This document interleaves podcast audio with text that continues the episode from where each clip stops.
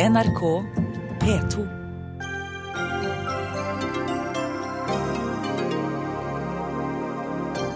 Han beskylder Jagland for å lekke, Støre for å ville påvirke Nobelkomiteen og Kasi for å være konfliktsky. Geir Lundestad takker for seg med et brak etter 25 år med boka 'Fredens sekretær'. Bjørnar Moxnes er ikke kriminell. Tingretten frifant Rødt-lederen. Men hvem kan stole på ham etter dette? Kjendiser toger inn i kommune- og bystyrene. De fortrenger hverdagsheltene, mener statsviter. Jeg vet ikke hva jeg har gitt meg ut på, innrømmer skuespiller Geir Kvarme. Og 16- og 17-åringene fikk prøve å stemme i noen kommuner, men kommunalminister Sanner beskyldes for å ha gjort det han kan for at forsøket skulle mislykkes.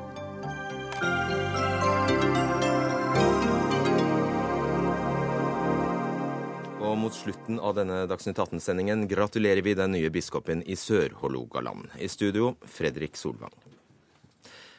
Jeg hadde lenge drømt om å bli direktør for Det norske Nobelinstitutt, skriver Geir Lundestad. Han takker for 25 år i jobben med boka 'Fredens sekretær', der han går langt i å karakterisere både prisvinnere og komitéledere på godt og vondt. Og Geir Lundestad, det er ikke akkurat en beskjeden tittel du har gitt boka di? Nei, det kan godt være. Jeg var jo sekretær da. Og eh, Nobels fredspris har jo en eh, sterk posisjon internasjonalt. Så når noen kom opp med dette 'fredens sekretær', så sa jeg at jo jo, greit nok. Du skriver at du ville være den første til å fortelle forholdsvis åpenhjertig om livet på innsiden av fredsprissystemet. Men er ikke noe av komiteens verdighet knyttet til nettopp eh, det at det skal være hemmelig, alt som foregår der? Det er masse som skal være hemmelig. Eh, Vi har jo veldig klare statutter. Eh, I de statuttene står det at det skal ikke refereres noe som helst om hvem som mente hva på hvilket komitémøte. Og det har jeg stort sett eh, forholdt meg til. Jeg skriver ikke noe om det.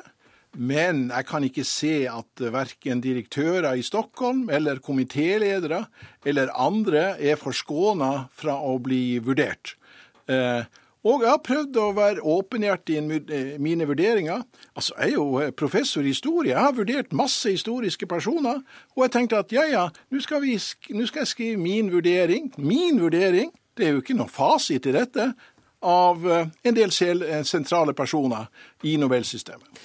På hjemmesidene deres, altså på ditt eget institutts hjemmesider, så står det at Nobelkomiteen offentliggjør ikke navnene på nominerte, verken til media eller til kandidatene. Men det har du altså gjort nå. Nei, det vil jeg stille meg sterkt tvilende til. Eh, Da må du fortelle meg et eksempel. Du nevnte f.eks. Canadas eh, utenriksminister som en Jo, mulig kandidat. det var, jo, Gro. det var jo offentlig kjent at eh, han var en kandidat for prisen. Dette ble jo diskutert i media.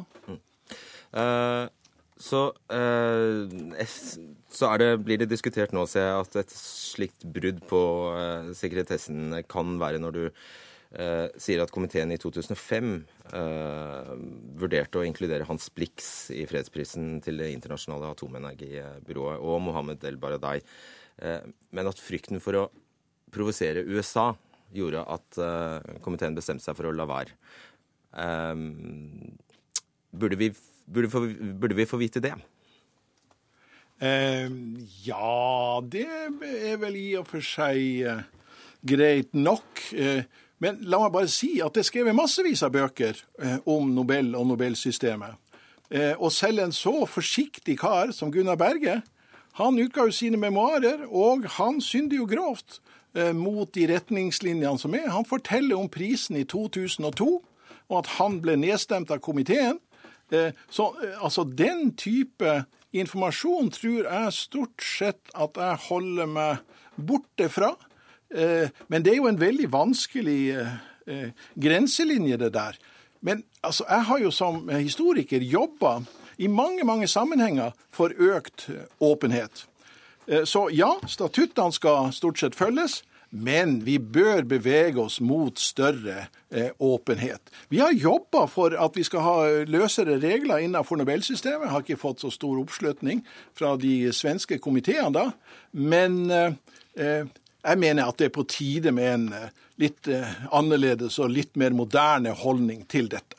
Og, og komiteen må, altså, Når det gjelder hovedpunktet, prisens posisjon, så leverer jeg jo, eh, i hvert fall i utgangspunktet, et meget sterkt forsvar for det. da. Jeg er veldig stolt av de 25 årene som jeg var med i den sammenhengen. Du brukte pressekonferansen din i dag delvis til å refse media for å henge seg opp i eh, alt det negative, mens du understreker at du har skrevet f.eks. mye positivt om eh, ja, Torbjørn Jagland. Men så har du setninger i denne boka som at han var en ivrig skribent, men var glad for mine lange innspill i nobeltalene, f.eks. Eller han kunne avsløre overraskende brister i kunnskap, eller han var ikke opptatt av å lære av andre, inkludert Nobelkomiteens egne konsulenter. Det er ikke veldig flatterende.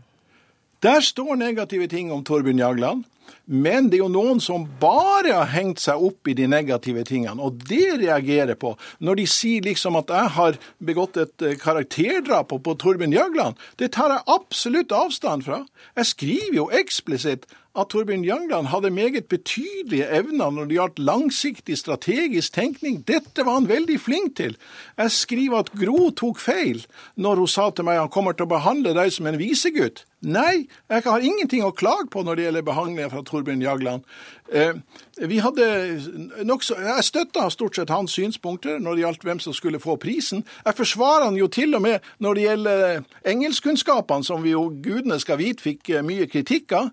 Og jeg skriver også at han hadde store kunnskaper. Ingen hadde større kunnskaper enn Torbjørn Jagland. Men så kunne han jo også ha noen hull i kunnskapene. Så jeg, jeg aksepterer ikke at dette er et karakterdrap på Torbjørn Jagland, det ville ha sett helt annerledes ut. Ok, Bare til, eh, til, det du sier om at eh, det stort sett eh, ikke var noen stor uenighet mellom deg og Jagland om, om hvem som skulle få prisen. Hva har du med det å gjøre som sekretær? Ja, det Jeg leder jo utredningsarbeidet. Og uten å gå for langt, så kan vi vel si at jeg da på tomanns hadde han hadde mange samtaler med Torbjørn Jagland. Men du skal jo formelt ikke ha noen rolle i utvelgelsen av uh, vinner? Jeg, jeg, prøver i boka å diskutere hva min rolle rent faktisk var. Mm. Ok. Uh, Martin Kolberg, leder av Stortingets kontroll- og konstitusjonskomité for uh, Arbeiderpartiet. Er du enig la oss ta tak i dette med åpenhet, er du enig i at dette er et godt bidrag når det gjelder å åpne opp arbeidet, å åpne opp og, og få, få innsyn i komiteens arbeid? Nei, på ingen måte. Jeg mener at Lundestad har gått, begått en uh, stor feil og har oppført seg helt uakseptabelt gjennom den måten han skriver uh, om både komiteen, komiteens arbeid og de karakteristikkene han gjør. Fordi han begår et, uh, et brudd på det som er en sekretærs rolle i en slik komité, nemlig at han skal være støttende. Han har ikke noe med å karakterisere verken prisvinnerne eller det arbeidet som har foregått i komiteen, eller for ingen del å begynne å karakterisere verken ledere eller medlemmer av komiteen slik Så som man gjør. Så skulle ikke vært skrevet? Nei, den skulle ikke vært skrevet slik på noe sett og vis. Og eh, det som er det store spørsmålet her, er hvorfor i all verden skriver en mann som Lundestad en slik bok? Hvis han skal uh, være i nærheten av, vil jeg si, å komme i, og liksom tilfredsstille at han er fredens sekretær, så burde han jo skrevet om politikk tematikken, om omstendighetene rundt det, og ikke gått inn i alle disse karakteristikkene og begått det som er et helt åpenbart brudd på det som er normen for Nobelkomiteen, nemlig at der skal det være hemmeligheter knyttet til dette. Og eh, Dette får han bære med seg som han vil, og han eh, påberoper seg å være professor. Og hvis han er professor attpåtil, så bør han i hvert fall ha vett på å ikke gjøre sånne ting som dette. Det er min, mitt, min karakteristikk av dette. Altså, Martin Kolberg har jo rett til å ha det hvilket som helst syn, men det blir jo helt absurd når han sier at jeg heller ikke skal karakterisere prisvinnerne. Jeg reiser jo verden rundt for å forsvare og tale om prisvinnerne. Så da forsvinner en veldig stor del av jobben, hvis ikke jeg da skal kunne uttale meg om prisvinnerne. Det, det, det, det er jo bare et merkverdig syn. Ja, altså det er klart. Uh, han har jo ikke noe annet valg nå enn å gi slike karakteristikker. Uh, men det er jo ikke det at han gir argumenter for komiteens standpunkter. Det er i tilfelle det han bør gjøre. Ikke begynne å snakke om hva som er galt og hva som er riktig. For hvem er denne Geir Lundestad i denne sammenheng? Absolutt ingen. Absolutt ingen, bortsett fra at han er komiteens sekretær og skal legge til rette, hjelper til og så går han løs på komitéledere. Ikke bare Torbjørn Jagland, men han snakker om den som nåværende komitélederen. Den nåværende komitélederen. Og sier, ja, Kasi Kullmann Five. Og sier at hun er på sett og vis litt for svak Konfliktsky. Og konfliktsky og litt for svak til å kunne håndtere dette godt. Det er ikke sånt du skal gjøre. Jeg tillater meg å si, og dette tror jeg Lundestad forstår veldig godt, hvis han vil, da. Det er jo at jeg har vært i mange roller veldig lenge. Helt fra Trygve Bratteli, faktisk. Tenk om jeg skulle begynt på den måten der. Og han er enda i en formell posisjon. Ansatt i, i Nobelkomiteen, som er oppnevnt av Stortinget. Og så tillater han seg å begynne å karakterisere det Stortinget har utnevnt, de medlemmene har utnevnt. Det er jo nesten ikke til å tro, vet du, av at en professor gjør. Svar kort på. Nei, jeg vet ikke hvor jeg skal begynne hen. Dette er jo eh, et, et heller gammeldags syn, da. Eh, For å komme tilbake til dette med prisvinnerne. Men du må ha påregnet en slik reaksjon. ja, det er helt greit, det. Eh, Når man eh, gir, så må man ta også. Men hovedpoenget er jo at dette er jo i all hovedsak et sterkt forsvar for de prisvinnerne som er utvalgt i de 25 årene som jeg hadde noe med dette å gjøre. Det er i den store sammenhengen det aller, aller viktigste. Jeg er veldig stolt av det rullebladet, og at man klarte dette så bra. fordi at det er veldig vanskelig å velge ut eh, prisvinnere. Jeg kan ikke helt se at verken komitéledere eller komitémedlemmer skal være unntatt vurdering. Jeg er jo gått av. Jeg er jo ikke noe sekretær nå lenger. Ok. men altså, jeg, jeg må bare få si dette, fordi jeg er gått av. Det, altså, etter 25 års tillit i komiteen, så setter han ned og skriver en slik bok som karakteriserer medlemmer av, komiteen, lederne, både i nåværende og fremtid. Og det er, det nytter ikke å si da at jeg har gått av, så jeg har lov til å skrive hva jeg vil. Det er, bryter en norm i norsk politikk som du ikke skulle gjort. Da er jeg redd det blir to mot én her, fordi vi har med oss Harald Stange, hele redaktør i Aftenposten. Jeg regner med svaret ditt er gitt på spørsmålet trenger vi en slik bok?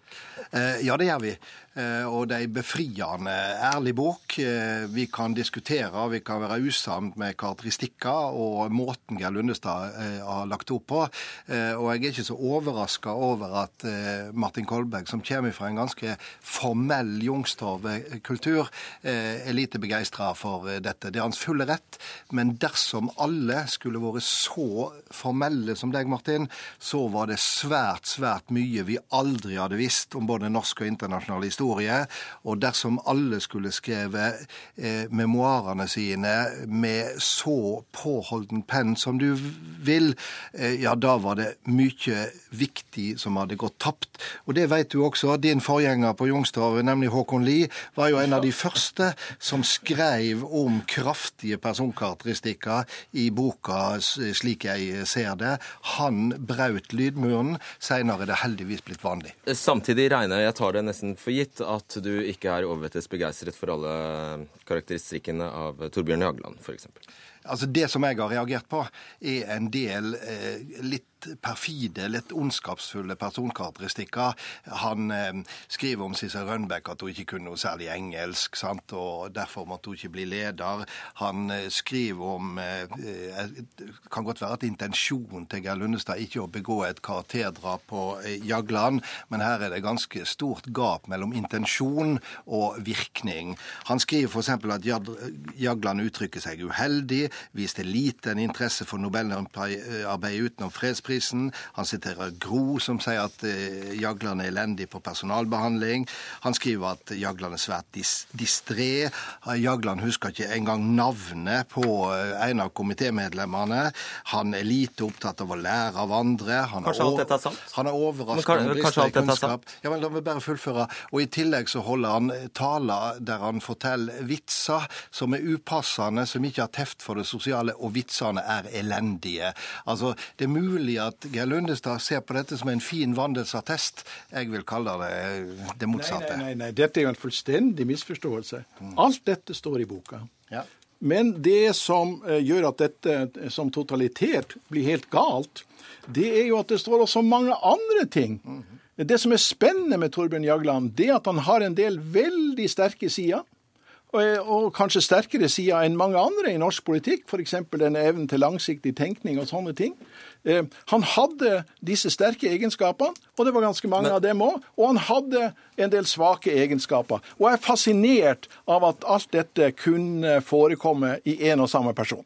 Men eh, fungerer det ikke sånn hjemme hos deg at hvis du sier 100, 100 positive ting til kona di, men én negativ, så er det den negative hun henger seg opp i? Eh, ja, det kan godt være, men da eh, har du begått en tabbe. Og jeg vil bare gjenta det som Harald eh, Stanghelle sa. Se på Arbeiderpartiet. Den eh, tradisjonen som Martin Kolberg holder frem, den er jo til de grader gammeldags. Nå skriver jo ja, gud og hver mann eh, memoarer der de sier både det ene og det andre om Arbeiderpartiet. Og den beste av alle memoarene er også den mest frittalende, Håkon Lies. Ok, Vi skal høre hva Jagland hadde å eh, si, si til denne boka i morges. Nei, det, jeg, jeg, Av hensyn til komiteens integritet og virke fremover, så vil ikke jeg gå no, inn på noe av det som her eh, fremkommer. Det er en veldig spesiell komité eh, jeg sitter i, og vi er nødt til å ha tillit til hverandre. Ja, Det var altså i går kveld eh, Jagland sa dette. Eh, to år på rad greide NRK å undertegne det og få ut eh, hvem prisvinneren var før annonseringen. Irriterte det dere? Ja, selvfølgelig. Hvem tror du lakk? Eh, nei, det har jeg ingen sikker uh, formening om. Og uh, det er blant de ting som jeg håper å finne ut av. fordi at sånn skulle det ikke være. Og det irriterte meg veldig at det var sånn. Og det er ikke slik at man kan lese ut av boka di at du antyder at uh, Jagland kunne ha vært kilden? Du... Det er mange som kan tenkes å ha vært kilden, men uh, jeg har ikke noe sikkert svar på det. Hvordan leser du dette? Jeg vet ingenting om det. Men det han skriver i boka, det er jo altså Lundestad, det er jo at Torbjørn Jagland prøvde å peke ut meg som syndebukken. Det er også en del av Jagland-bildet som han eh, tegner. Mm. Ja, Kolberg, du vil si. Ja, eh, litt tilbake til uh, litt tidligere i samtalen, altså dette med Håkon Lie. Ja. Altså, det er en veldig forskjell på de som er politikere, og de som er ansatte. Lundestad er ansatt. Han har, han har, han, Nei, han har vært valgt. Og, eh, og, poenget er jeg er for all form for åpenhet, jeg. Men jeg mener at mennesker som Lundestad som har hatt den rollen han har, hatt den tilliten han har hatt i komiteen gjennom så mange år, fått vært med på så mye, vært sammen med så mange, ikke skal gå over den grensen og begynne å sette seg på sin høye hest i etterkant og ja, gi karakteristikker. Men, og det er det som er, det er, det som er mitt anliggende, og bare det. Mm. Ja, Hvordan kan du da hevde at på meg at ja. jeg er mot åpenhet, og at jeg er en form for servil person eh, som kommer fra begge sider her. For det er uriktig, rett og slett. Men du hevder altså at boka ikke skulle vært skrevet. og Hvordan kan du hevde det når vi bl.a. får informasjon her om at eh, daværende utenriksminister Støre tok kontakt eh, med komiteen, eller med Jagland eh, selv for å snakke om, om kandidaturet til Liu Xiaobo? Som da ble oppfattet som et press. Det er vel informasjon offentligheten har nytte av? Ja, men hvem er, hvem er, det som har rett i tilfelle Jeg vet ikke om hvordan det er sant eller usant, men hvem er det som i, rett, i tilfelle har rett til å komme med slike opplysninger? Er det komiteens sekretær? etter at han har gått av? Nei, den retten har han ikke. Det er dette som er mitt anliggende. Det er dette som er mitt anliggende, det er dette som er poenget i hele saken. At man ikke skal gjøre det på den måten. Det Lundestad er flott til å skrive, han kan sikkert veldig mye, men han skulle ikke skrive om komiteens arbeid, karakterisere personene på den måten han har gjort. veldig kort, Hvorfor skrev du det om eh, Støres eh, kontakt om Leo Chabot? Jo, eh, dette er vel det største overgrep som jeg opplevde i mine 25 år. Eh, det var et veldig klart skille mellom Nobelkomiteen og eh, det offentlige Norge. Men Jonas Gahr Støre tok ved to anledninger eh, kontakt med Torbjørn Jagland. Og jeg var jo ikke med på den samtalen, men Torbjørn Jagland refererte jo den samtalen for komiteen, begge to. Og det var jo ingen som var i tvil om at Eller som ikke oppfatta dette som et uh, utidig press på komiteen. Dette er veldig viktig informasjon. Ja, kanskje fra et formelt ståsted så eh, kan det argumenteres som eh, Martin Kolberg gjør, men dette er helt essensiell informasjon. Og eh, det bør komme frem. Som du bør, mener offentligheten må få kjennskap til. Men argumentene fra kinesisk side eh, kan jo ikke ha vært ukjente for komiteen. Du hadde jo selv et møte med, med ambassadør Svein Sæther om det samme. Ja, ja, ja. Nei, hovedsaken eh, den var vel kjent. Og jeg kritiserer ikke den norske regjering eh, for at de hadde et annet syn på dette, men det oppsiktsvekkende er at utenriksministeren da tar kontakt med komitélederen for å formidle dette synet. Og jeg har ikke opplevd maken i mine 25 år. Som journalist er du vel glad for at vi nå får vite dette? Ja, det er jeg. Og akkurat dette siste går jo rett inn i debatten om komiteens uavhengighet. Derfor er dette viktig informasjon. Og så har jeg lyst til å legge til um, jeg mener overhodet ikke at Martin Kolberg er sivil, men han er eh, formell. Eh, og det som en må forstå, er at Geir Lundestad er ingen hvem som helst sekretær. Han har vært en maktfaktor. Han har vært utrolig viktig for utviklinga av eh, Nobelinstitusjonen. Og han har spilt ei rolle innad i komiteen som ingen tidligere sekretær. Han forteller at han engasjerte seg kraftig mot at Sissel Rønbeck skulle bli leder. Han ble rådspurt av Arbeiderpartiets folk om Jan Egeland, Olav Akselsen eller Jagland burde komme inn i komiteen. Og han sa på pressekonferansen i dag at han kjente til at eh, planene om å kaste Jagland etter at han sjøl gikk av. Det vitner og tegner et portrett av en sekretær som har en stor, stor innflytelse og eh, som derfor bør eh, takkes for at han skriver memoarene sine. Og så kan vi diskutere innholdet i dem som filna fyk. Men det, Martin Kolberg, forteller jo også en historie om det norske, om det norske Arbeiderpartiet som kanskje ikke er helt flatterende? Jeg vet ikke om det er sant eller usant, men vi får, hvis vi legger til grunn at det er sant, og at Lundestad har hatt en slik kraft i komiteen, det kan ikke være noe tvil om det, jeg er helt enig i. Ja, men at Arbeiderpartiet går til komiteens sekretær og spør hvem syns du ja, vi bør nominere? Ja, det... det er nok ikke riktig sånn, da, men ja, Du skriver at Arbeiderpartiet ble rådspurt, skriver du? Jeg ble rådspurt, særlig av Torbjørn Jagland. Han var veldig interessert i å vite hva jeg mente om dette. Poenget er, Mitt poeng er, i motsetning til hva disse to herrene da mener, da er ikke, det kan hende det har skjedd, men det betyr ikke at Lundstad skal fortelle det. Det er det som er poenget. Det foregår slike ting, selvfølgelig, men da skal ikke han fortelle det i etter, etterkant. Da kan han skrive om andre forhold knyttet til komiteen enn å, å fortelle det. Fordi at det er en normal ting som kan ha foregått i mange sammenhenger. Hva vet jeg om det? Men det er ikke noe som skal fortelles. For det får gjøres i fortrolighet til den norske Nobelkomiteens sekretær. Og det er dette her går skillelinjene. Men, men Martin, det er nettopp det at noen er villig til å fortelle, som utfyller, eh, utfyller bildet, som får brikkene på plass i puslespillet som norsk historie og samtid er. Og nå har vi fått en del brikker på plass i det puslespillet som heter Nobelkomiteen. Hva skal du gjøre nå? Nei, nå skal jeg skrive en lang og kjedelig bok som eh, ikke noen kommer til å være noe særlig interessert i. Jeg skal skrive om fredsprisen fra 1901 til i dag. Men la meg bare si at eh, det er jo mange, også innenfor komiteen, som har synda grovt mot regelverket. Halvdan Skog skrev ei åpenhjertig dagbok. Gunnar Jahn skrev ei åpenhjertig dagbok. Det står massevis eh, og, og jeg, jeg, jeg, syns på mange måter at Martin Kolberg representerer en røst fra fortida. Du, du må, kommer til å få mye å gremmes over hvis liksom, dine høye standarder skal opprettholdes til enhver tid. Det kan ikke være greit å lese alle disse bøkene som skrives også om Arbeiderpartiet. Åh, takk for at dere ga oss denne runden. tusen, tusen takk, Geir Lundestad, Martin Kolberg og eh, Harald Stanghelle. Dagsnytt 18 alle hverdager kl 18.00 på NRK P2 og NRK2.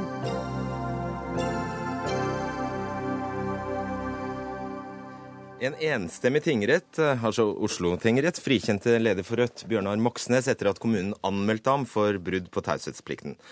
Alle partiene i bystyret, bortsett fra SV og Rødt, da, sto bak anmeldelsen, som vakte sterke reaksjoner i media og ikke minst fra pressemiljøet. Det skal vi komme tilbake til. Eh, men først kort, Bjørnar Moxnes. Eh, kan du prøve å forklare hva denne saken opprinnelig dreide seg om? Kort. Eh, Det var en granskningsrapport fra kommunerevisjonen som tok for seg kommunens håndtering av en sak ved Lindeberg omsorgssenter i Oslo. Eh, Der var det påstander om at en person, en ansatt, hadde, hadde voldtatt pasienter. eh, Og, og det var helt grunnløse, ja, helt grunnløse beskyldninger, viste det seg ganske kjapt. Eh, Rapporten eh, den var en kraftig kritikk av hvordan kommunen, helt opp til Høyre-byrådet, hadde håndtert saken. Det var utgangspunktet, en rapport som var ganske kraftig i kritikken av kommunen. Og da hadde selvfølgelig ikke noen høyt oppe i kommunen noe med selve overgrepene eller de angitt påståtte overgrepene å gjøre, men det var håndteringen i etterkant. Det var håndteringen av saken som, som fikk veldig kraftig kritikk i, i rapporten. Og så skjedde det at, eh, at, eh, at bystyrepartiene i finanskomiteen vedtok ganske omfattende sladding av rapporten. Så at veldig mye av, av eh, beskrivelsene av hvordan kommunen hadde, hadde svikta i alle ledd, helt opp til byrådet, ble hemmeligholdt. Og så tok eh, jeg og Rødt en selvstendig vurdering på det som var sladda, og så la vi ut eh, den samme rapporten med mindre sladding eh, på nettet. Og så hopper du bukk over hvordan du fikk innsyn i disse dokumentene. Hvis Carl I. Hagen har rett, så var det slik at dere kjempet sammen om innsyn i dokumentene under forutsetning av at dere skulle holde dem eh, taushetsbelagt. Ja, altså vi forholder oss jo til den lovbestemte taushetsplikten. Eh, Det er viktig, det har vi gjort hele veien. Det har også noe tingretten slått fast. Men det jeg ikke har godtatt, det er at fordi at andre politikere vedtar at noe skal være hemmelig, å godta det, det er jeg uenig i, for det er utover det som er lovbestemt. Så jeg har Men da er jo ikke du til å stole på. Eh, Jo, fordi jeg er jo ansvarlig overfor velgerne, overfor loven, ikke overfor den hemmeligholdskulturen som, som også Carl I. Hagen er en del av. Eh, For den er, ikke, den er ikke i, tråd med loven, den er i tråd med eh, kollegiale hensyn i bystyret. Og det er noe ganske annet enn å bryte det som er lovbestemt taushetsplikt. Vi har invitert hele bystyret. Ikke en eneste hadde anledning til å komme. Hvorfor tror du det er sånn? Det veit jeg ikke, eh, men det er synd. eh, Fordi dette er en diskusjon eh, som handler om grensene for taushetsplikten og grensene for innsyn. Det har vært en svær debatt om det i valgkampen, bl.a. Og dette er spørsmål som folkevalgte vi barner med det daglig. Så jeg skulle ønske at vi kunne fått en åpen diskusjon nå med folk fra både De Grønne, Arbeiderpartiet, Høyre, Venstre, KrF, Frp, som jo anmeldte meg, at vi kunne fått en diskusjon ikke om anmeldelsen, men om hva vi skal gjøre framover for å på en måte etterleve dommen, som jo er en, en knusende dom over hemmeligholdet i Oslo kommune. Men det, det rettssaken gikk på, det, det handlet altså om du Hadde brutt loven. Hadde brutt loven. Ja. Ja. Ja, og, altså Da du valgte å offentliggjøre de, og om du hadde sladdet tilstrekkelig. Det er riktig. Ja. Generalsekretær eh, i eh, Norsk redaktørforening, Arne Jensen. Dere har heiet på Moxnes hele veien her. Ja, jeg har i hvert fall heiet på ham, hvis du kan bruke det uttrykket. Eh, Jeg reagerte på anmeldelsen mot Bjørnar Moxnes av fire grunner. For det første så er bruk og misbruk av taushetsplikt i offentlig forvaltning noe som vi som jobber i mediene støter på hver eneste dag. Eh, Det er et betydelig eh, problem, eh, fordi at opplysninger som ofte burde vært offentlige, ikke er det. For det andre så mente jeg etter å ha lest den usladde versjonen at Bjørnar Moxnes umulig kunne ha brutt, med den lovbestemte taushetsplikten. For det tredje så mener jeg at dette en, var en sak av stor samfunnsmessig interesse. De opplysningene som var sladdet, er ganske avgjørende for å forstå hvor galt saken ble håndtert fra start eh, fra Oslo kommunes side, mener jeg. Og For det fjerde så eh, mener jeg at det er betenkelig når politiske eh, folkevalgte anmelder andre folkevalgte og skal bruke politi og domstol eh, til noe som kan det synes som fremstår mer som, en, eh, som at man er litt fornærmet fordi at Bjørnar Moxnes muligens har brutt en avtale de hadde seg imellom. Det vet ikke jeg. Eh, Men en folkevalgt representant svarer altså i utgangspunktet overfor to instanser. Det er velgerne, og det er loven. Hva er status for byrådet da, nå da, når de tapte saken? Eller bystyret. Unnskyld, hva sa jeg? Bystyret? Ja. Nei, jeg mener at det er, dette bør danne grunnlaget for en diskusjon både om hvordan man skal håndtere den type eh, saker og opplysninger, og kanskje også hvordan man skal håndtere forholdet seg imellom. Nå er jo dette rel det er ikke relativt, dette er meget, meget sjeldent at det skjer.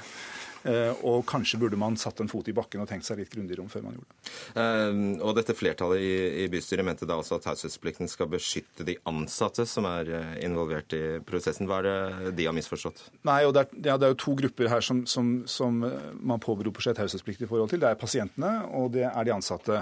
Og I forhold til pasientene så konkluderte jo retten med, og det mener jeg helt korrekt, at de var så anonymisert at det var ingen reell eh, fare for, for eksponering. Når det gjelder de ansatte, så er jo taushetsplikten sånn innrettet at den skal ikke beskytte offentlig ansatte mot kritikk. Mm. Så, så, så det offentlig ansatte gjør i jobben sin på vegne av fellesskapet, er ikke beskyttet taushetsbelagt informasjon som utgangspunkt. Det er ikke sånn at du egentlig bare har iscenesatt hele greia her for å få en fantastisk oppmerksomhet midt i valgkampen? Der kom den store avsløringa. Akkurat sånn var det. Nei, det som var rart, var jo at jeg visste jo ikke at jeg engang skulle anmeldes før Aftenposten ringte meg dagen før bystyremøtet og spurte meg hva er din kommentar til at du nå skal anmeldes av bystyret i morgen. Og da svarte jeg hva er det du snakker om? For det var jo behandla i hemmelighet i et organ hvor ikke Rødt sitter, altså Forretningsutvalget, som er et saksforberedende organ som Fabian Stang leder. Og de hadde behandla saken i hemmelighet, holdt den utenfor kart, ikke spurt meg om mine kommentarer til påstandene om lovbrudd. Og Så kom saken i bystyret, og så ble anmeldt. og Verken jeg eller andre bystyret visste faktisk hva som var innholdet i lovbruddene, for det var sladda i notatet som bystyret fikk, til, fikk, utdelt. Så det var vanskelig å forsvare seg mot påstander om ting man ikke helt veit hva er. Og det var jo også en, spesielt. Men hvor enn ironisk det måtte være, du eh, kan bruke denne saken politisk nå? Ja, Nå skal vi bruke den for å, for å gjøre Raymond Johansens ord til handling. Han sa i valgkampen at nå skal Oslo bli en foregangskommune for åpenhet. og Nå skal vi få testa det i praksis, og også bruke dommen i andre kommuner hvor det er altfor mye hemmelighold, langt utover det som loven setter. Så vi skal bruke den politisk. Og det er ingen som tør å gi deg noen papir etter dette her? Jo, det må de. Det må de. Men kanskje de ikke tør å politianmelde meg, og kanskje de ikke tør å hemmeligholde så mye langt utover det loven sier. Takk skal dere ha, Bjørnar Moxnes og Arne Jensen.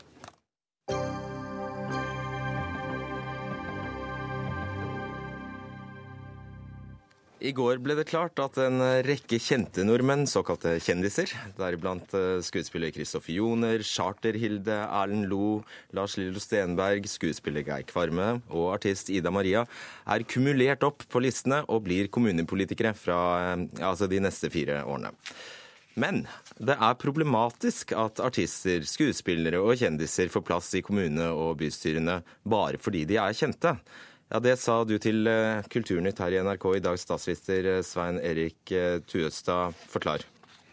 Ja, altså, det, det, er jo For de som har drevet lang tid i lokalpolitikken, så er det jo litt surt å liksom bli forbigått av folk som overhodet ikke har vært med i de lokale prosessene. Så hvis jeg hadde vært sånn lokalpolitiker og sett det, så hadde jeg sikkert blitt skuffa. Men, men, det er en annen ting som, er, som, kanskje er vel så viktig. Og det er det at ofte så Altså, vi skal, ikke, eh, vi, skal, vi skal ikke romantisere lokalpolitikken. For lokalpolitikken, det er hardt arbeid. Og da er det en risiko for at eh, mange av disse egentlig har litt sånn feil forventninger til hva politikken eh, er. Og da vil de bli skuffa. Og det er det allerede mange politikere som blir. Altså Av og til eh, er det 50% som slutter fra en periode til en annen. Så, så, det er to ting. At det kan være litt urettferdig for disse sliterne og hverdagsheltene. Så, men så er det òg det at man har litt sånn feile forventninger til hva politikerrollen innebærer. Mm. Og alt du beskriver nå kalles demokrati, sant? Ja, det er demokrati, men, men eh, realiteten er jo òg det at uh, man ser for seg demokratiet sant, som verdibrytninger, som liksom Dagsnytt 18-debatter. Men så det, det, det, virkelige livet i lokaldemokratiet, det er ofte liksom mer sånn likt et driftsstyre og, et, og litt sånn uh, at man må sette seg veldig godt inn i saken og gjøre et hardt arbeid. Og hvis man ikke gjør det, så blir man skuffa, og det blir litt kjedelig. Men hvis man først går over den terskelen og brenner for lokaldemokratiet og setter seg inn i det, da kan man få en gevinst som går på liksom gleden i å drive med politikk. Ok, Vi får uh, formode at de både har hjerne og engasjement, eh, også kjendisene. Men Tove Karoline Knutsen, du er stortingspolitiker for eh, Arbeiderpartiet og har vært det siden 2005. Musiker, artist og stortingspolitiker. Hvordan begynte dette her? For meg så begynte det jo at uh, jeg ble spurt av kommunepartiet mitt, Tromsø Arbeiderparti, om å stå på uh, liste, eller bli foreslått på lista for Troms Arbeiderparti. Altså Troms sin kandidat sammen med en hel rekke andre kandidater. Og Bakgrunnen for det var jo at man ønska å ha et mangfold av mennesker inn på lista. Og um, Argumentet for at man spurte meg, var jo at vi trenger noen folk som har en kunstnerisk bakgrunn, en kulturbakgrunn sånn som du har. Og Det syns jeg var veldig flott. Og jeg uh, tenkte meg litt om, men så takka jeg ja til det. For jeg hadde jo vært engasjert i kulturpolitiske spørsmål og i samfunnsspørsmål. Men jeg hadde ikke uh, gått gradene i et kommuneparti eller sittet i kommunestyret eller noe sånt. Så jeg kom jo inn ja, godt over 50 år. Men yrkesbakgrunn eh, som kunstner, skapende og utøvende musiker. og jeg tror det er veldig viktig at man får folk inn med denne type bakgrunn. Og dette er jo de som er noe nevnt i denne sammenhengen, hardt arbeidende folk med sunt vett. Og de har lyst til å gjøre en innsats for samfunnet i ulike partier. Da er det faktisk en ja. undervurdering av folk å si at de ikke kan gjøre en jobb. Men kan du skjønne at det er surt for dem som sitter der i alle disse ørkesløse kommunestyremøtene kveld ut og kveld inn? Og så kommer du med gitaren din. Nei, vet du, jeg har ikke opplevd det sånn. fordi jeg tror det er mer og mer nå eh, et, eh, et synspunkt på at vi trenger mennesker inn i politikken og i kommunepolitikken og fylkene og Stortinget som har litt ulik bakgrunn. Vi mm. trenger disse som har vært glødende engasjert fra de var unge, og de som har gått gradene i politikken. Men så trenger vi også folk med annen bakgrunn. Altså Som kommer inn og har sine erfaringer uh, og sin kunnskap og klokskap som de kan gå inn i politikken med. Og det mangfoldet trenger vi. Men, men altså, Det tror jeg er helt uh, riktig. og, og det er mangfolds... Uh, altså det er jo klart at det, Når det kommer kjente personer inn i politikken, så, så, så er det jo litt sånn kjekt for de andre òg. Så, så, det der, der er, er, sammensatt. Og, og, det skaper jo litt sånn blest om lokaldemokratiet. Men, men, men, jeg tror egentlig at det er et sånn, det er et ganske sånn stort problem for lokaldemokratiet at det er blitt veldig sånn profesjonalisert og krevende å gjøre en god jobb. Og da må man virkelig altså, Og noen selvfølgelig kjendiser og skuespillere tar på seg den jobben og, og gjør en virkelig jobb og, og, og brenner. Men, men, problemet er at man kan ikke bare stille liksom nå og da en kveld eh, fordi man er kumulert opp og forventer liksom at, at, man skal ha innflytelse og gjøre en god jobb. Det, det er hardt arbeid, og man ja. må, ha tid til det. Ok, Geir Kvarme, du er skuespiller og nyvalgt bystyremedlem i Oslo for Høyre. Ble du overrasket selv? Over at jeg kom inn? Nå har jeg vært gjennom en lang nominasjonsprosess og en lang valgkamp, så nå har jeg vært litt sånn innstilt på at jeg skulle inn. Men det er klart akkurat i det øyeblikket du får vite det, så tenkte jeg oi, det var rart. Eh, skjønner du hva du begir deg inn på? Nei, og hvordan skulle jeg det? Um, en eller annen gang så er den første inntreden på denne arenaen. For meg så kommer den nå, i en alder av 52 år. Men det er klart at uh, man kunne startet på et litt lavere nivå i politikken. Men jeg regner med, jeg er jo da eh, fanget opp av Høyre. Jeg regner med at Høyre er et såpass solid parti at de klarer å vurdere om det er på en måte noe annet enn du sa. Eh, Tove Karoline Knutsen kom med noe annet enn gitaren sin. selvfølgelig. Det er jo ikke gitaren man bringer med seg inn. Jeg bringer heller ikke med meg skuespilleren inn i dette her. Jeg bringer med meg et samfunnsperspektiv og en, eh, en forståelse av politikken som en viktig arena. Jeg har i tillegg veldig problemer med denne debatten som på en måte tar utgangspunkt i en generell forståelse. For det første forstår jeg ikke hva en kjendis er. Altså, Er jeg en kjendis? Jeg, hvis jeg i noen grad er kjent, så er jeg kjent uh, for det arbeidet jeg har nedlagt i uh, snart 30 år som skuespiller, og for mitt politiske engasjement i samfunnsdebatten. Og det er klart at uh, når velgere eventuelt kumulerer meg, så gjør de det kanskje fordi de kjenner til meg, de kjenner til engasjementet mitt. og og eh, de føler det kanskje trygt at eh, de, de, politikken blir litt nærmere. Og jeg tror ikke velgerne er så dumme at de bare stemmer inn kjendiser. Altså. Eh, ja, jeg har bare lyst til å stille Knutsen et spørsmål. Har du opplevd det Tuastad snakker om, at arbeidsmengden og kompleksiteten kom som et slags sjokk? Nei, det har jeg ikke opplevd. Det er selvfølgelig arbeidskrevende å komme inn i Stortinget. Og selv om jeg hadde masse masse sceneerfaring, så var det veldig spesielt å gå på Stortingets talerstol første gangen. Jeg kjente nervene helt klart. Men arbeidsmengden det var jeg egentlig vant til fra før, altså gjennom et kunstneriske yrke.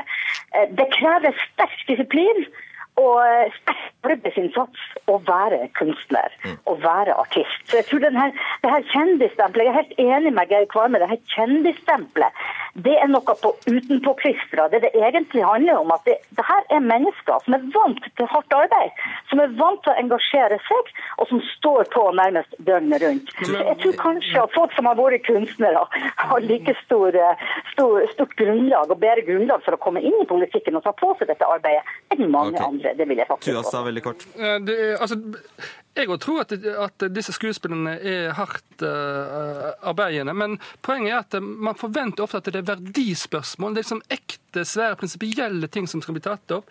Men det er ofte eh, tekniske spørsmål og selskap og internasjonalt samarbeid det handler om, og da må man være forberedt på det. Men du kan jo ikke si at vi har en begrenset, generell begrenset forståelse av politikkens eh, virke enn det andre mennesker har. Nei, men Du tar jo ut en gruppe, Nei, det og så sier du at eh, de er potensielt mindre egnet for dette her, og det er jeg ikke enig i. Vi vi får bare se hvordan det går, da. Takk skal dere ha. Ja. Tove Karoline Knutsen, Svein Erik Tuastad og Geir Kvarme.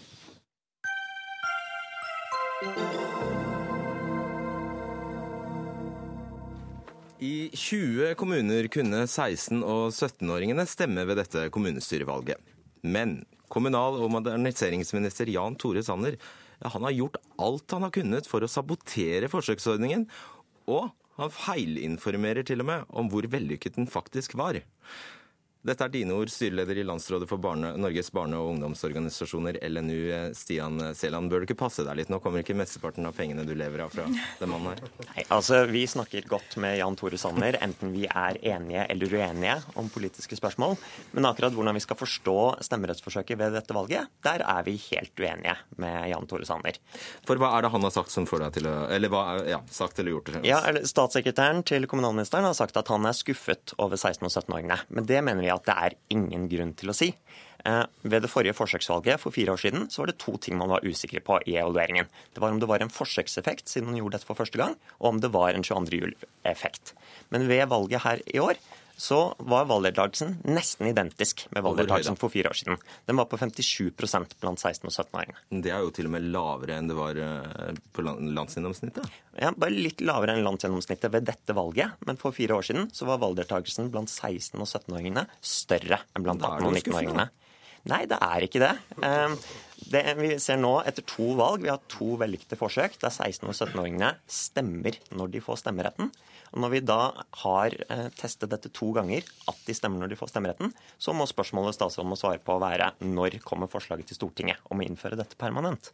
Jeg tror vi lar deg svare på det, rett og slett, eh, kommunal- og moderniseringsminister Jan Tore Sanner fra Høyre. Jeg er eh, skuffet over valgdeltagelsen generelt. Er Jeg men, ja, ikke sant? Og jeg mener at vi, vi skal ikke være fornøyd når det er færre enn seks av ti som, som stemmer. Eh, Så er eh, regjeringens utgangspunkt at vi mener at eh, stemmerettsalderen skal følge myndighetsalderen. Slik at utgangspunktet vårt har vært, eh, vært eh, at det skulle være 18 år. Ja, Men- for, så for å rydde det av veien, du er faktisk imot disse forsøkene? Altså, du vil ikke ha Nei, det er, jeg, som, det, er jeg, det er jeg som har eh, tillatt forsøket. Men mitt prinsipielle utgangspunkt det er at stemmerettsalderen bør følge myndighetsalderen. Men så har vi en samarbeidsavtale med Kristelig Folkeparti og Venstre, og særlig Venstre har hatt et sterkt engasjement for 16 år, at vi skal videreføre forsøket med 16 års stemmerett. Det var bakgrunnen for at jeg åpnet for at vi skulle videreføre det. Særlig Venstres engasjement, men også Kristelig Folkeparti. Og når vi da gjennomfører det, så ønsker jeg at forsøk skal bli vellykket. Jeg mener at det er et spennende forsøk, og særlig fordi at vi har, eh, vi har videreført forsøk i ti av de kommunene som hadde sist, og så har vi åpnet for ti nye. Det mener jeg kan gi oss nyttig erfaring og spennende erfaring.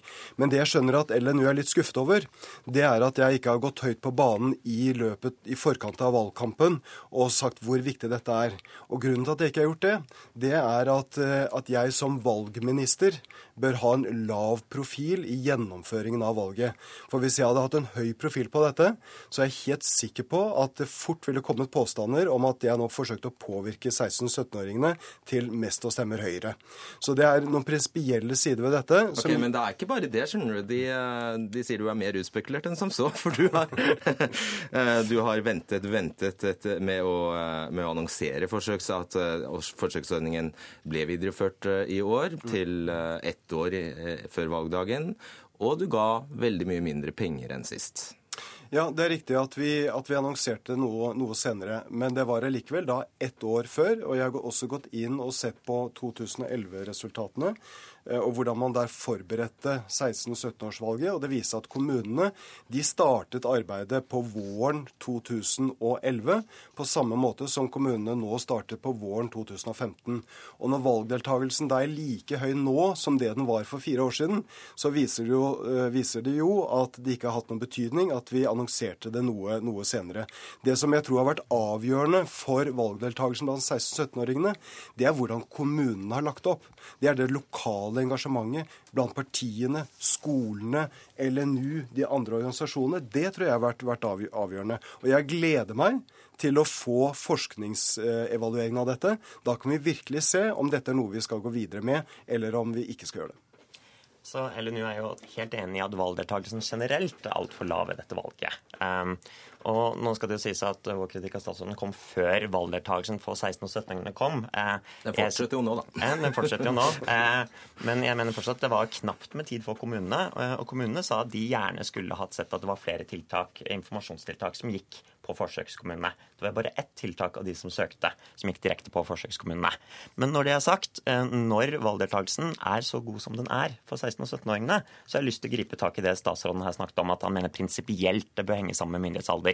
Nå eh, har det vært sånn at stemmerettsalder og myndighetsalder har vært lik de siste 34 årene. Det er ikke et argument i seg selv for at den fortsatt skal være det. Når vi vet at 16- og 17-åringene bruker stemmeretten, da bør de også få den. eh, Når vi har sett og det vi skal ikke åpne for en hel eh, diskusjon om det. Vi snakker om forsøksordningen nå. Um, Guro Ødegård, du er forsker ved Institutt for samfunnsforskning. Er 57% oppmøte særlig bra? Ja, det er jeg, var, jeg og mine kollegaer var både imponert og overraska over den høye valgdeltagelsen blant 16- og 17-åringer ved 2015-valget. Hvordan kan du kalle 57 veldig bra? Jo, Det har litt sammenheng med hva, hva, eh, hva en er vant med i forhold til unge velgeres deltakelse. Og det har jo seg slik at den ligger mye, mye lavere enn hos befolkninga generelt, hos velgere generelt. De unge stemmer mindre. Ja, Førstegangsvelgeren deltar i overkant av 20 prosentpoeng eh, mindre, altså en lavere deltakelse enn voksne. Og sånn har det vært i mange valg, bortsett fra ved 2011-valget. Det var et veldig spesielt valg. Det var, eh, det var 22. juli, og det vi så ved det valget der, var at det var spesielt de unge, de som er i sin politiske formbare fase, som ble mobilisert. Dette dette var vi sikre på at skulle få konsekvenser for dette valget her, at valgdeltakelsen blant 16- og 17-åringer skulle være eh, lavere. Når den ligger på samme nivå, så er det ganske imponerende at det, den er så høy. Og vi tror at det handler om den livsfasen 16- og 17-åringer er i. Din skuffelse var en helt feil reaksjon. 57% er bra. Nei, jeg, jeg syns ikke det er bra. Eh, Og jeg syns ikke men det jo jo, jo, men jeg, hører det, men jeg er uenig i det. Eh, Jeg mener at det er ikke bra for 16-17-åringene, og det er definitivt ikke bra for oss voksne. Vi skal ikke være fornøyd når under 6 av 10 bruker stemmeretten, uavhengig om de er 17-18 eller om de er 80, 80 år. Nei, men Hvis 18-19-åringene, hvis det bare er en sånn 40-50% av dem som pleier å stemme, så er jo 57% Ja, nå får, vi jo, nå, får, nå får vi jo nå se når forskerne får gått skikkelig gjennom det. Og når jeg gjennomfører dette forsøket, så er det jo fordi at jeg er interessert i å se på resultatene. Og det er særlig én ting til jeg er interessert i, og det er å se på om de som stemmer som 16-17-åringer, om de stemmer mer eh, når de blir 18, 20 og, og 24 år. Og det vil vi få vite mer om når forskerne har evaluert forsøket. Er det noe som tyder på i forskningen at dette kan bli en vane? Det vet vi for lite om, eh, og det er en av de tingene vi skal se, eh, se på. Det som imidlertid er helt riktig, som Jan Tore Sanner sier, det er jo når vi får eh, resultatet fra først, ordinære førstegangsvelgere, så vil vi jo se om dette her er spesielt for 16- og 17-åringer, eller om vi ser konturen av en mer politisk engasjert ungdomsgenerasjon nå enn ved tidligere valg. Hva gjør dere hvis det viser seg at denne interessen er stor når du er med i forsøksordning, men så dabber den fullstendig av? Hva gjør dere da? Så Det vil vi jo se når den endelige evalueringen Ja, foreligger. Eh, Men det som er et interessant aspekt med Hva gjør eh, dere da, hvis det, viser, hvis det viser seg at dette ikke blir en vane? Ja, men altså, Vi ser også konturene av en ungdomsgenerasjon som er i endring. Altså, De ti siste årene så har eh, engasjementet i barne- og ungdomsorganisasjonene økt. Det har blitt flere medlemmer, flere lokallag. Altså, Dagens ungdom var ikke mindre engasjert før, er vår opplevelse av det. Og Det man så for fire år siden i forsøksvalget der Statsråden har i dag vært ute fordi han har vært opptatt av å gi velgerne mer makt. I de 20 forsøkskommunene for fire år siden så ble det valgt inn flere unge representanter. Man fikk en betraktelig mindre underrepresentasjon av ungdom.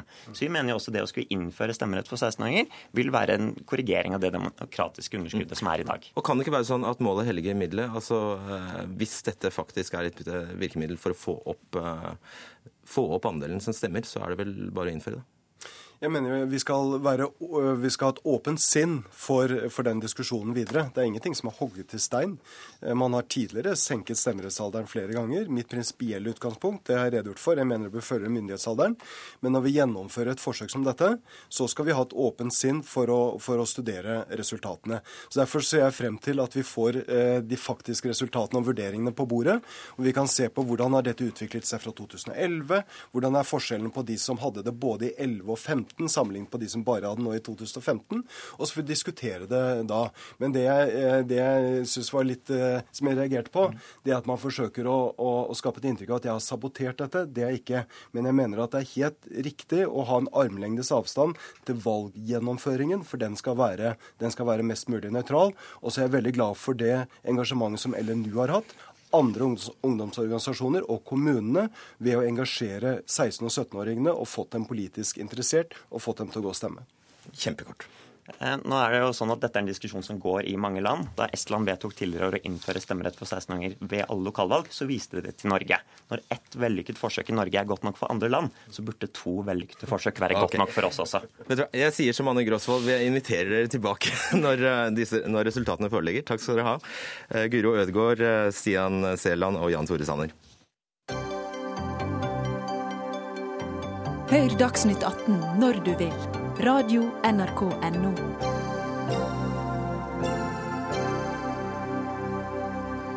Sør-Hålogaland bispedømme har fått ny biskop. Tor B. Jørgensens arvtaker Ann Helen Fjelstad Justnes er tidligere politiker for Arbeiderpartiet, men har ikke tenkt å si hva hun mener om f.eks. oljeboring i Lofoten og Vesterålen. Men eh, begge er enige om at homofile skal få gifte seg i kirken. Først til deg, Tor B. Jørgensen, avtroppende biskop i Sør-Hålogaland. Hva vil du bli husket for etter dine åtte år som biskop? Ja, Nå er ikke dette noen eh, avskjedssituasjon for meg, da, så jeg har liksom ikke reflektert eh, veldig mye over det. Men jeg tror jeg ble, ble huska som en engasjert biskop som har deltatt i mange typer samtaler om samfunnet vårt og om kirka vår. Så det har vært en eh, god opplevelse gjennom de ni åra jeg har vært biskop. Du har jo markert deg som, eh, som en eh, til dels eh, omstridt biskop. Du har ertet på deg fagbevegelse, politikere og oljeindustri ved å ta klart standpunkt i striden rundt oljeboring i, i nord. Hvorfor er det så viktig at en biskop engasjerer seg i disse aktuelle politiske spørsmålene? Vi Jeg har jo valgt å gjøre det sånn, for så vidt som det har med min forståelse av vår, eh, vårt ansvar for skaperverket. Men eh, det er det også da delte meninger om hvordan dette skal gjøres i kirka, og jeg har hatt min profil i det. og eh, de mange forskjellige biskoper, eller forskjellige biskoper har hatt forskjellig holdning til det, og nå får den nye biskopen finne sin form i måten å håndtere dette spørsmålet som også andre spørsmål på.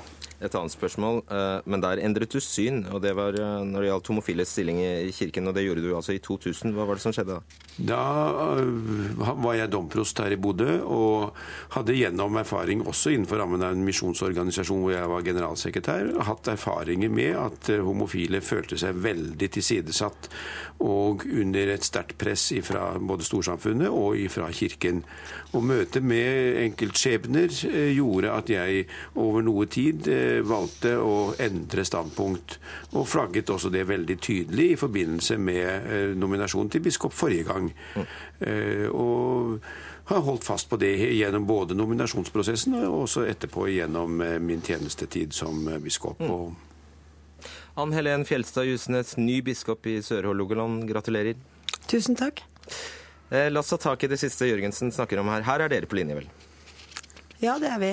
Jeg har eh, i mange, mange år ønsket at vi skulle kunne vie lesbiske og homofile i kirken. Og um, der deler vi synspunkt fullt og helt. Men når det kommer til eh, spørsmål om oljeboring i Lofoten og Vesterålen, hva da? Nei, jeg tror ikke vi er så ulike i, i, synet på det heller. Men der er det som eh, biskop Thor eh, nettopp sa, at du vil vel kanskje velge forskjellige inngangsmåter. Jeg har bodd i Lofoten i mange år, og jeg vet at det er ulike syn i befolkningen på hvordan en skal utnytte havet. Og jeg tror at de fleste mener at vi skal bevare det, og vi skal ta vare på det, og vi skal passe på at vi ikke ødelegger det skaperverket som vi har fått i havet. Mm, men kan dette tvetydige synet ditt komme av at du har, har, vært. har vært ordfører for Arbeiderpartiet, mon tro? Nei, det tror jeg ikke. fordi at eh, nå er ikke jeg medlem i Arbeiderpartiet lenger, og jeg har ikke vært aktiv i Arbeiderpartiet de siste syv-åtte årene. Men mitt gamle lokallag, Flakstad Arbeiderparti, har alltid vært mot oljeboring. Mm. Eh, så har det kommet en eh, hastemelding fra, på NTB her eh, som lyder kirkemøtet i april neste år skal behandle spørsmålet om kirkelig vigsel av likekjønnede, besluttet Kirkerådet i dag. Hva innebærer det? Det innebærer jo at vi får dette fort på bordet, og at Kirkemøtet ønsker at vi skal se på mulighetene for å få en liturgi for vielse av homofile og lesbiske så fort som mulig, og det ser jeg veldig fram til at vi får. Men dere vet jo ikke resultatet ennå?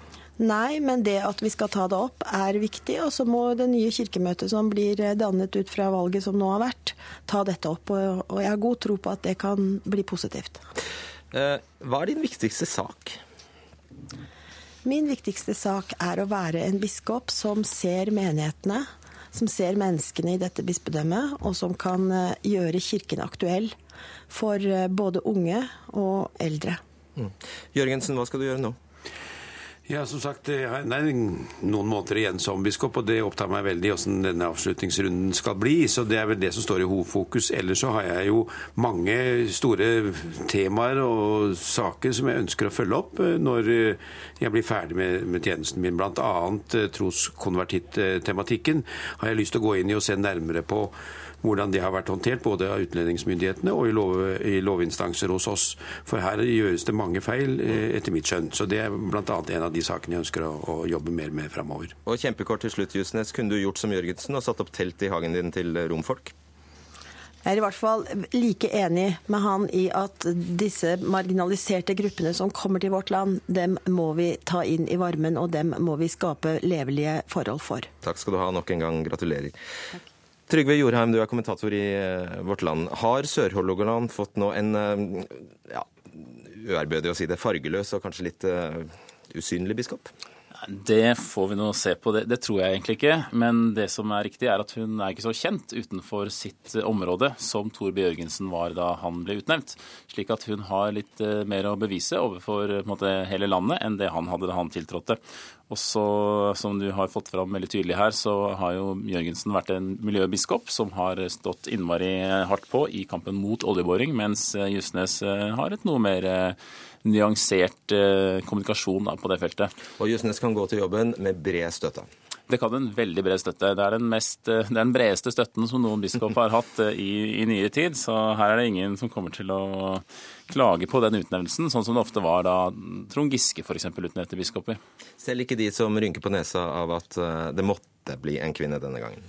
Nei, det er det som var så kjekt for Kirkerådet. Fordi de hadde kommet i en knipe hvis de hadde hatt en mannlig favoritt eh, denne gangen. Altså en, en mann som hadde det sterkeste votumet fra, fra, den lokale kirka og fra biskopene og fra Kirke-Norge generelt. Men så ble jo det da en kvinne da, som attpåtil er for likekjønnet vigsel, så da var det rett og slett bare å, å slå til. Og det var enstemmig utnevnelse.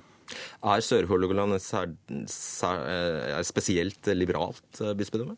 Nei, det er nok et veldig delt eh, bispedømme, sånn som Nord-Norge er. Du har eh, en eh, veldig konservativ tradisjon, og du har den mer folkekirkelige tradisjonen, da, som ikke nødvendigvis er sånn teologisk på linje. Så hun vil jo stå i en spagat, men det må jo alle biskoper i en del sånne spørsmål, bl.a. dette homofilispørsmålet. Vil Jørgensen bli savnet? Han vil nok bli savnet av mange.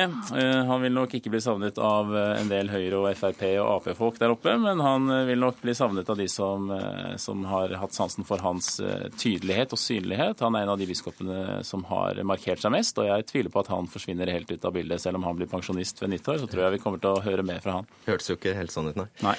Litt kjedeligere kirke uten han? Kanskje det. Jeg vil få håpe at noen fyller tomrommet, og det kommer sikkert en ny miljøbiskop ganske kjapt. Takk skal du ha, Trygve Jorheim. Det var Dag Dørum som var ansvarlig for denne sendingen. I teknikken var Lisbeth Sellereite, og i studio Fredrik Solvang.